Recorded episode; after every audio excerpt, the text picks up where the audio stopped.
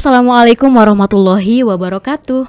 Halo Sobat Muda Dunia Selamat datang kembali di podcast UMY Talks. Tentunya masih bersama saya Mutia Parawangsa di sini. Dan pada episode kali ini kita akan membahas satu tema menarik Tentang fenomena sandwich generation. Kelompok yang berada di persimpangan antara tanggung jawab Harus merawat atau menafkahi orang tuanya Tetapi juga harus membiayai anak istri atau adik-adiknya. Dan uh, pada hari ini tentunya uh, aku senang banget karena kita akan mendapatkan uh, insight dan pengetahuan-pengetahuan baru yang lebih dalam lagi soal bagaimana sih perspektif generasi sandwich itu di dalam um, psikologi. Nah, uh, untuk itu siap-siap uh, ya uh, sobat muda dunia untuk buka pikiran dan get ready buat belajar bareng karena kita pada kesempatan hari ini sudah kedatangan narasumber yang sangat luar biasa seorang dosen uh, di prodi komunikasi dan penyiaran Islam yang tentunya juga pakar psikologi. Sudah ada Ibu Novia Fetri Alizia di sini. Kita sapa dulu. Assalamualaikum Ibu. Waalaikumsalam warahmatullahi wabarakatuh. Sehat Bu ya? Alhamdulillah. Alhamdulillah. Hari ini nggak ada kelas berarti Bu? Kosong, Sabtu saya memang tidak ada jadwal kelas. Oh, Alhamdulillah. Sabtu. Nah, uh, baik Bu ngomongin soal sandwich generation ya Bu. Di bayangan kita kalau sandwich itu berarti ada roti, roti isi di dalamnya ada keju, ada potongan daging, ada sayur, telur dan lain-lain. Nah, tapi ini analogi untuk menggambarkan, mendefinisikan uh, kondisi milenial yang harus menafkahi orang yang ada di atasnya dan orang yang ada di bawahnya. Dan dia berada di tengah-tengah, di atasnya ada orang tuanya yang mungkin sudah uh, renta, sudah menua uh, dan tidak bisa lagi untuk menanggung dirinya sendiri. Terus di bawahnya ada anak istrinya atau adik-adiknya. Nah, tapi sebenarnya gimana sih Bu awalnya kenapa sih uh, kok bisa ada istilah generasi sandwich itu? Oke, baik Mbak Mutia. Bismillahirrahmanirrahim. Ini kalau kita lihat ya generasi sandwich saya wow gitu ya ada istilah ya generasi sandwich ya. Uh, kenapa nggak digeprek aja sekalian gitu ya? Oh, iya. generasi geprek gitu ya. Oh, iya. geprek generasi ya. Bikin nama baru Bikin nama baru geprek generasi ya. Kalau dibaca-baca ya literatur ternyata sandwich itu udah lama Mbak Mutia. Hmm. Jadi sudah dikenalkan pertama kali di Amerika sepertinya ya sama siapa namanya tuh Dorothy Dorothy, Dorothy Miller ya. Delapan satu delapan satu itu saya belum lahir ya dan ternyata oh. istilah sandwich generation itu sudah populer begitu di Amerika hmm. begitu. Uh, mungkin di Amerika itu kebudayaannya beda ya dengan kita yang sistem kekerabatan yang sangat kental begitu ya. Kemudian sebenarnya istilah itu uh, dikatakan sandwich generation itu seolah-olah mereka merasa itu adalah himpitan yang besar begitu untuk hidupnya sehingga itu ya. itu ronta-ronta dari jiwa mereka yang tidak terima dengan kenyataan ya. gitu. Tapi kalau orang timur ya kita muslim ya misalnya berbakti kepada orang tua apa Mutia merasa tergeprek gitu berbakti pada orang tua enggak dong enggak dong ya bahkan ya dalam Islam itu semakin orang tua kita rendah, semakin orang tua kita itu memiliki ketergantungan untuk kita, semakin besar peluang amal untuk kita. Nah, itu kan prinsipnya muslim. Ya. Tapi mungkin Pak Dorothy ini waktu itu melihat fenomena di Amerika ya. Kemudian beliau membuat sebuah istilah yang dinamakan dengan sandwich generation ya. Kemudian betapa mereka tidak memiliki keterampilan dalam uh, mengendalikan uh, mungkin emosional ya. Saya baca juga beberapa penelitian dan ternyata uh, di Amerika itu benar ya. Uh, mereka yang mengalami sandwich generation itu ternyata juga mengalami permasalahan psikologis yang cukup serius gitu. Mungkin begitu sandwich generation itu 81 sampai sekarang eh ternyata sekarang booming lagi ya. Yeah. Heboh sekarang di, di kalangan milenial. Kenapa kira-kira tuh heboh ya? Milenial itu pola hidupnya gimana tuh? kalau ada beberapa survei itu Mbak Mutia hmm. mereka itu maunya kerjanya sedikit, ya gajinya, gajinya banyak, banyak terus liburannya panjang gitu ya, oh, nah gitu, valid. Karakternya ya, karakternya gitu tuh, nggak mau nggak mau diatur ya nggak hmm. nggak suka dengan pekerjaan yang monoton ya senengnya pokoknya yang seneng seneng ya. aja ya. gitu mungkin ya sehingga hmm. itu menjadi uh, menjadi sesuatu yang perlu didiskusikan lebih panjang begitu hmm. tentang sandwich generation Mungkin karena hal itu juga berpengaruh ya Bu karena saat ini lagi orang-orang tuh gencar-gencarnya membahas soal mental health. nah, jadinya sekarang orang-orang mulai ngebahas lagi soal sandwich generation itu. Yang sebelumnya malah belum pernah kedengeran di Indonesia ya, Bu. Apa sudah ada? Sudah ada, cuman nggak se. Ini kayaknya dua tahun terakhir ya. Hmm, Sandwich iya, generationnya kalau kita lihat-lihat itu kayaknya dua tahun terakhir itu jadi sesuatu yang yang perlu didiskusikan lebih dalam gitu ya. Itu mungkin suara-suara hati yang tidak tersuarakan. Ya, betul betul. nah, eh, tapi kan Bu kalau em, orang dewasa gen eh, apa gen generasi sandwich ini yang usianya mungkin 40 sampai 50 tahun, mereka mungkin sudah mulai mapan eh, bisnisnya mungkin sudah mulai lebar, terus income in- income-nya sudah mulai banyak dan lain-lain sebagainya. Tapi kalau misalnya sandwich generation yang usianya 25-an itu mungkin masih eh, berat banget dengan gaji 2 juta hidup di Jogja tetapi harus tetap menanggung orang-orang yang di atasnya orang tuanya dan orang yang di bawahnya ada adik- adik-adiknya mungkin untuk sekolah untuk kuliah. Dengan beban seberat itu nah gimana sih ibu caranya biar eh, kita kalau misalkan tidak mampu menghadapi tuntutan itu milenial ini yang usia 25 ini biar mereka nggak eh, stres mereka bisa tetap eh, menghadapi konflik batin itu di dalam dirinya. Jadi gini, kenapa istilah sandwich itu menjadi sebuah permasalahan? Itu bermula dari rendahnya pendapatan. Ya, jadi dari generasi ke generasi punya pendapatan yang rendah, sehingga ketika generasi yang tua ya katanya sih begitu ya, generasi misalnya katakanlah ibu-ibu kita, bapak kita punya pendapatan yang rendah, bahkan zaman dahulu makan aja pakai jagung gitu ya. Bagaimana mungkin mereka akan memikirkan kehidupan mereka di usia pensiun. Lalu sekarang punya anak begitu, punya anak tuh. Jadi anaknya lah menjadi mungkin ya harapan mereka. Sehingga itu bisa dikategorikan keluarga-keluarga yang memiliki pendapatan yang rendah sehingga sebenarnya Uh, kata lain dari sandwich generation ini yang bermasalah, yang katanya sih lebih banyaknya itu karena permasalahan finansial yang Ya. tidak well planning begitu. Lalu gimana sih usia 25 ya, baru kerja Ya, ya, betul. lulus gaji UMR Jogja Ah, 2 juta, dua ya. aduh gitu ya. Tapi kalau menurut uh, Dorothy Miller itu yang dinamakan sandwich itu ketika mereka sudah mulai mapan ya. Orang di usia 40 tahun sampai 50 tahun itu sudah mencapai tahap aktualisasi diri. Tapi kalau mereka gagal merancang kehidupannya dari usia 20 sa- 20 tahun sampai 40 tahun itu sama artinya kita berencana untuk gagal di masa mendatang begitu Oke. ya.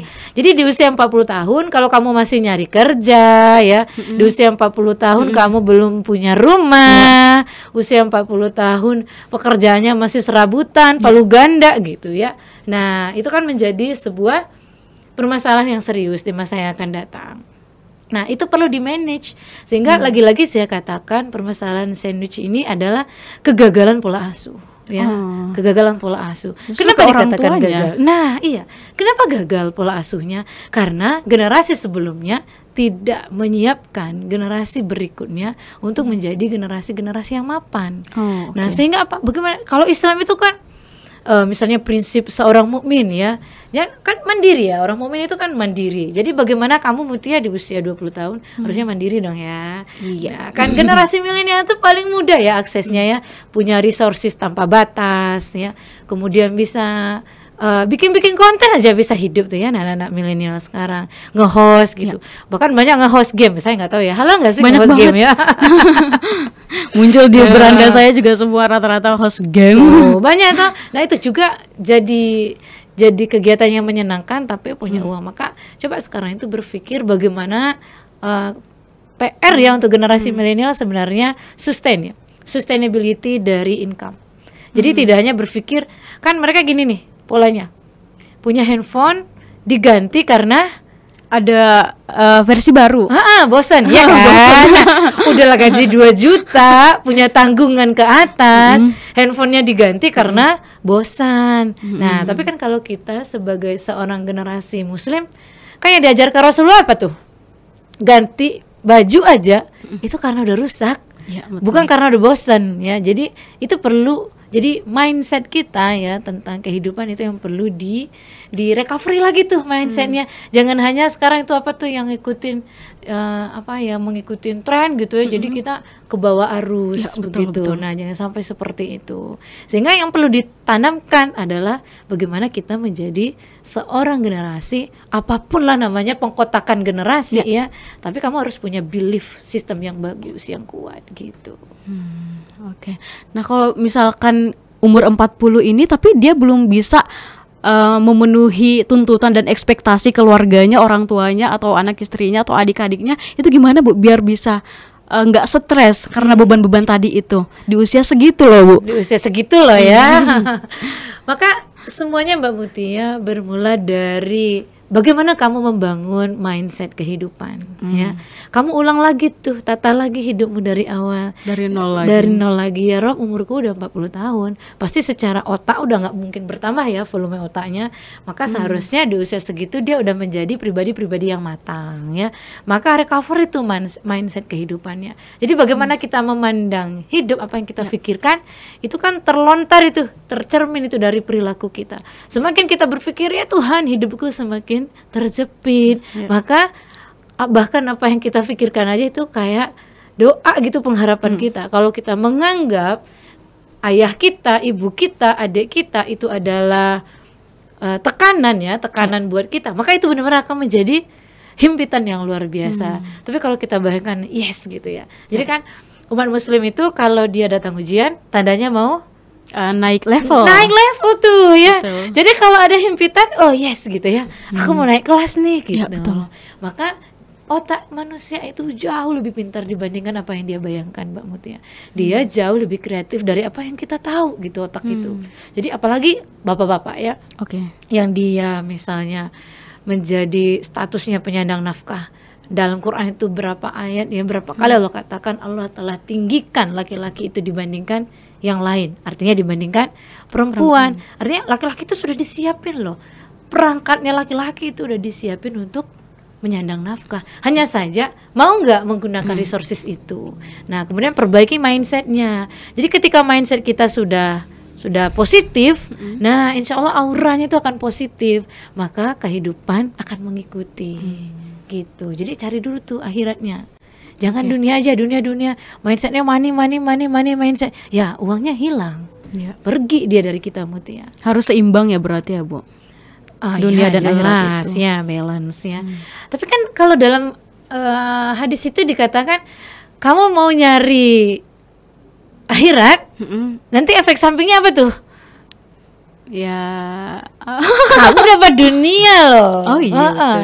Jadi kalau Betul, kamu, betul, kamu udah orientasi hidupmu, misalnya gini, aku jadi mahasiswa nih, jadi mahasiswa orientasinya apa?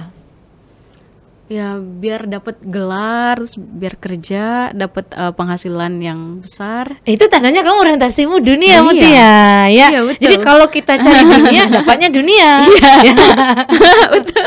kalau kamu ingin dapat gelar, kamu dapat kerja, dapat uang, ya kamu dapat itu.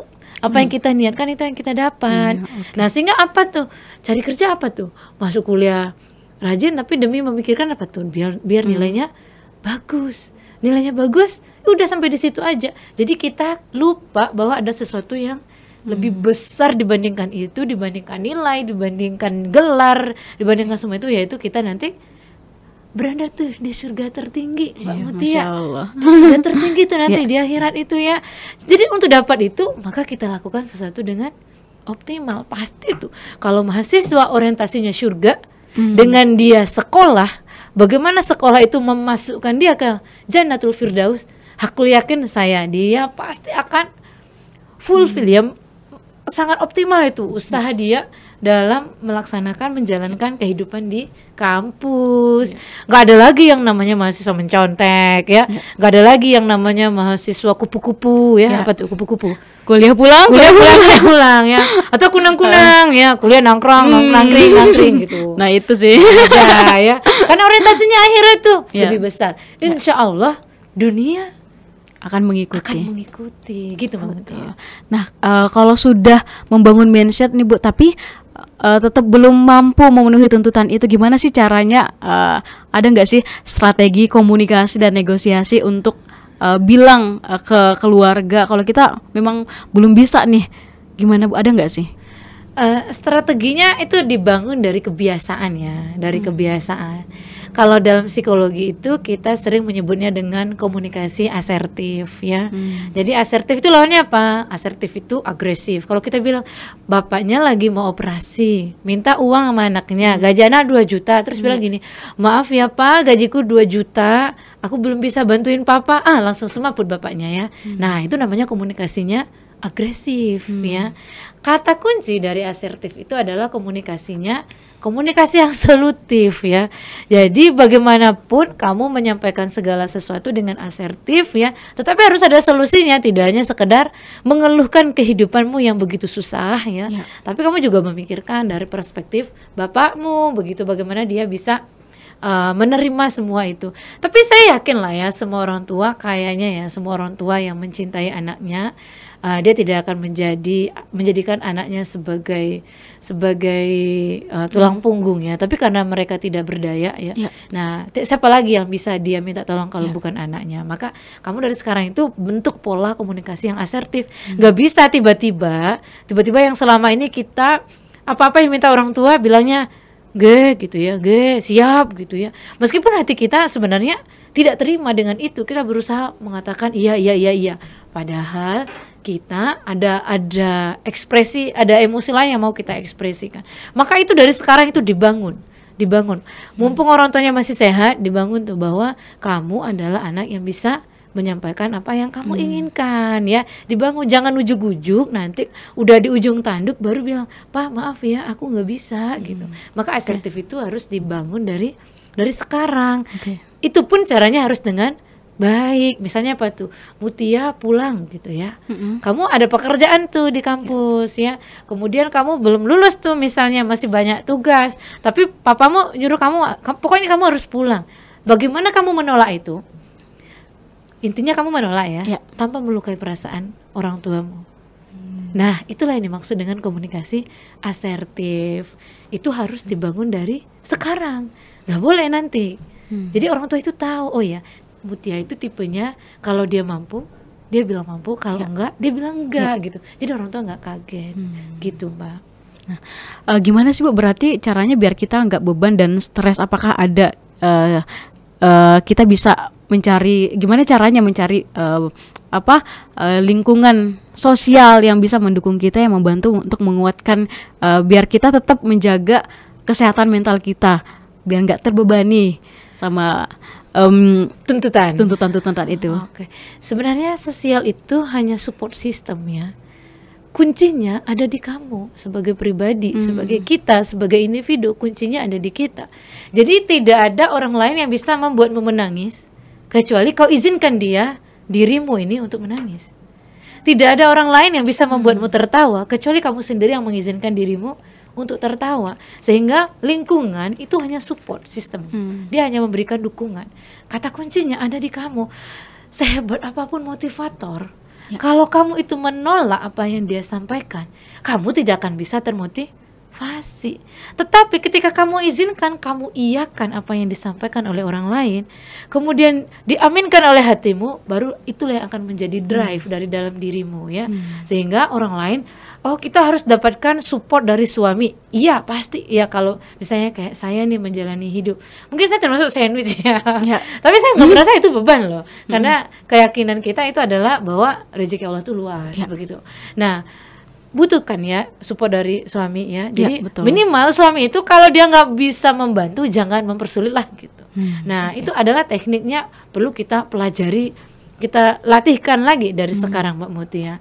Nah intinya adalah dari diri sendiri kamu harus melakukan segala sesuatu yang mantap ya kamu mantapkan hatimu dan punya keyakinan yang teguh lalu hmm. nanti lingkunganmu lingkungan sosialmu kamulah yang harus mendidik mereka bantu ya. mereka untuk memberikan dukungan untuk kamu. Ya. Gitu. Dan itu tadi sejalan ya bu sama ayat atau hadis yang mengatakan kita gak akan bisa berubah suatu kami itu tidak akan bisa berubah kalau dia uh, yang tidak mau berubah sendiri. Iya benar ya. Innallaha la yughayyiru biqaumi hatta yughayyiru bi anfusihim ya.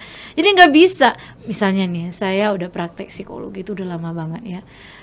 Tidak bisa Mbak Mutia, klien itu tidak bisa saya sembuhkan secara Hmm. psikologis ya. Ya. Kalau dia nggak mau. Ya. Jadi intinya dari dia dulu kamu mau sembuh nggak? Misalnya ada yang kecanduan pornografi, Ya. kecanduan video game.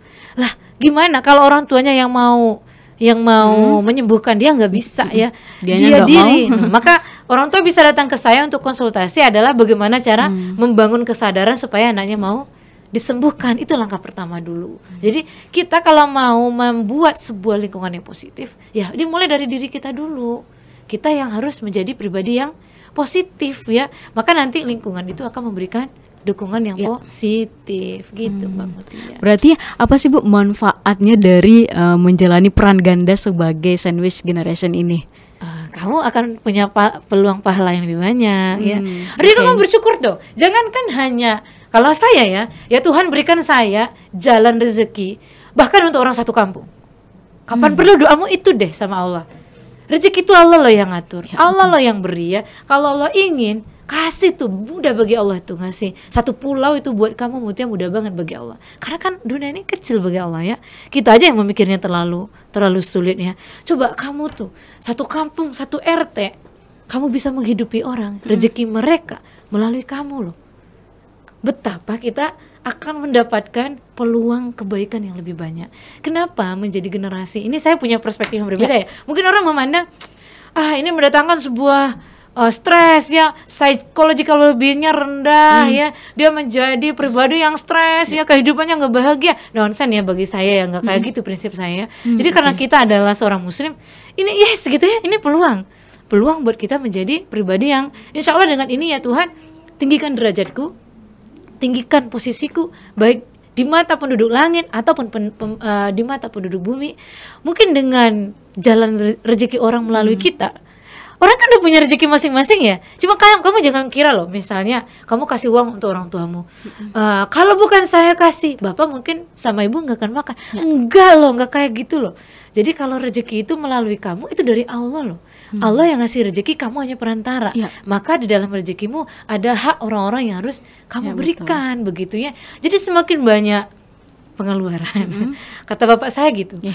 jadi kalau sumur itu sudah kering tanda-tanda hujan mau turun kata bapak. Saya begitu konsep rezeki ya. Jadi kalau misalnya uangmu mulai habis tanda-tanda akan ada rezeki yang baru. Tapi dengan catatan kamu yakin tuh sama Allah dan kamu tidak pernah berhenti berusaha Ya, begitu ya. betul. jadi ki- itu kita pandang aja sebagai sebuah peluang kita Mm. menjadi orang yang jauh lebih bermanfaat dibandingkan orang lain Peluang untuk berbakti kepada orang tua juga ya Bu? Iya benar salah satu. Jadi kan bakti saya ini sebagai salah satu saya bisa masuk surga dari pintu mana yang saya inginkan ya Allah begitu.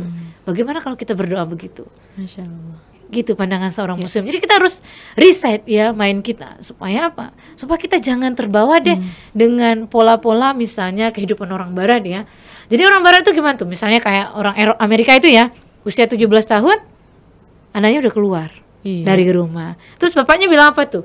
Kamu udah dewasa, urus tuh dirimu sendiri. Terus anaknya jawab apa? Ya udah, aku udah dewasa. Besok kamu udah lanjut usia. Saya nggak peduli, nggak ada nggak ada urusan begitu, Mbak. Padahal kalau muslim apa? Tidak ada hentinya, tidak ada batasnya hubungan antara orang tua dan Anak. anak. Bahkan mereka sudah Iya. meninggal. Iya betul. Nah, itu prinsip kita yang perlu kita tekankan. Masya Allah. Nah eh, terakhir nih Bu, eh, ada nggak sih Bu tips atau strategi yang bisa dilakukan agar kita bisa menjadi sandwich generation yang bahagia dan sejahtera? Oke. Dari perspektif psikologi nih Bu. psikologis ya. Oke. Eh, intinya kalau orang psikologi itu kan eh, di dalam jiwanya itu ada kolbu ya, ada hati yang maha menggerakkan. Kemudian itulah nanti kalau dia baik, maka dia memiliki kemampuan regulasi emosi yang positif. Kalau dia baik, dia akan memiliki kemampuan interpersonal yang baik. Dia akan memiliki keterampilan sosial yang baik. Maka tidak ada yang bisa kita lakukan kecuali kita mendekatkan diri kita kepada aturan-aturan yang sudah Allah berikan kepada kita. Itu yang pertama. Apa pun yang kamu lakukan, tanda tanya yang sah, harusnya selalu kamu berikan kepada dirimu adalah Tuhanku ridho nggak? Aku ngelakuin ini Tuhanku ridho nggak? Itu yang pertama. Kemudian yang kedua yang perlu kita uh, hadapi adalah Mbak Mutia. Uh, jangan hanya mengandalkan satu pendapatan. Oh oke, jadi harus punya banyak, banyak uh, sumber income ya bu. ya, yes. Jadi karena kalau yang bermasalah adalah uang ya, Hmm. uang itu gampang, mudah dicari ya. Yang penting kamu mau apa enggak ya. Iya, kalau kamu misalnya nih jadi karyawan, gajimu 2 juta. Oke, 2 juta dari sini. Jadi kamu harus punya buka lain. yang lain, buka keran yang lain. Jadi apa misalnya kamu jadi penulis ya, kamu ikut lomba, Ya. kamu ikut berbagai macam event ya. Kamu oh, nggak mungkin membabukan ya saya sering. lakukan apa pun yang bisa ke- kamu lakukan begitu ya. Apalagi sekarang banyak banget ya. Itu saya lihat tuh teman-teman yang jadi apa namanya? Uh, penulis ya, jadi data analis itu kan bisa kerja dari mana aja gitu ya. Kamu jadi karyawan internasional, gajimu dolar, kamu di rumah begitu sambil jadi karyawan Ya. di tempat yang lain, why not begitu? Itu bisa. Itu peluang itu sangat besar, terutama untuk generasi zaman sekarang. Sehingga jangan hanya segera merasa puas dengan satu pekerjaan.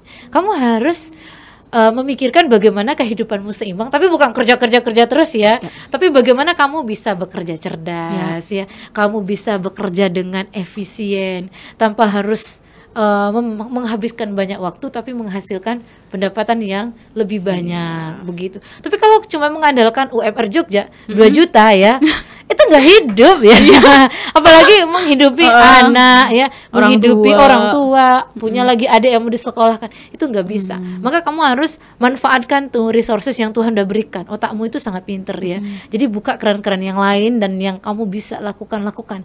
Buang tuh gengsi ya. Jadi anak muda itu jangan banyak gengsi Aduh, ya, jangan itu. banyak gengsi.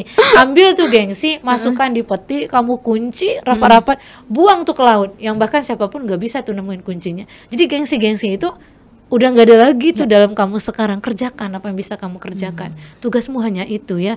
Jangan banyak mengeluh. Bahkan saya sering katakan kenapa kita banyak mengeluh? Hmm. mengeluh tuh nggak ada loh panduannya dalam Quran. Coba deh cari tuh ada nggak? Ah, kalau kamu sengsara tuh mengeluh aja gitu ya. Enggak kan ya? Yang ada apalah? Lakukan lakukan lakukan lakukan dengan ikhtiar terbaikmu dengan usaha-usaha manusiawimu lalu biarkan Tuhan yang menentukan hidup Hmm, Masya Allah. itu yang perlu kita lakukan. Ya kok ayam aja nggak mengeluh tuh dia jadi ayam ya. Kenapa kita mengeluh? Gitu Mbak Mutia. Berarti tergantung uh, kitanya mau cari peluang lain apa enggak nih ya bu? Hmm, Buka, buka itu keran-keran yang lain. Banyak kok. Rezeki itu kayak hujan tuh Allah Allah turunkan ke muka bumi ini. Tinggal kamu mau atau atau enggak itu ngambil ya. Jadi gitu Mbak Mutia.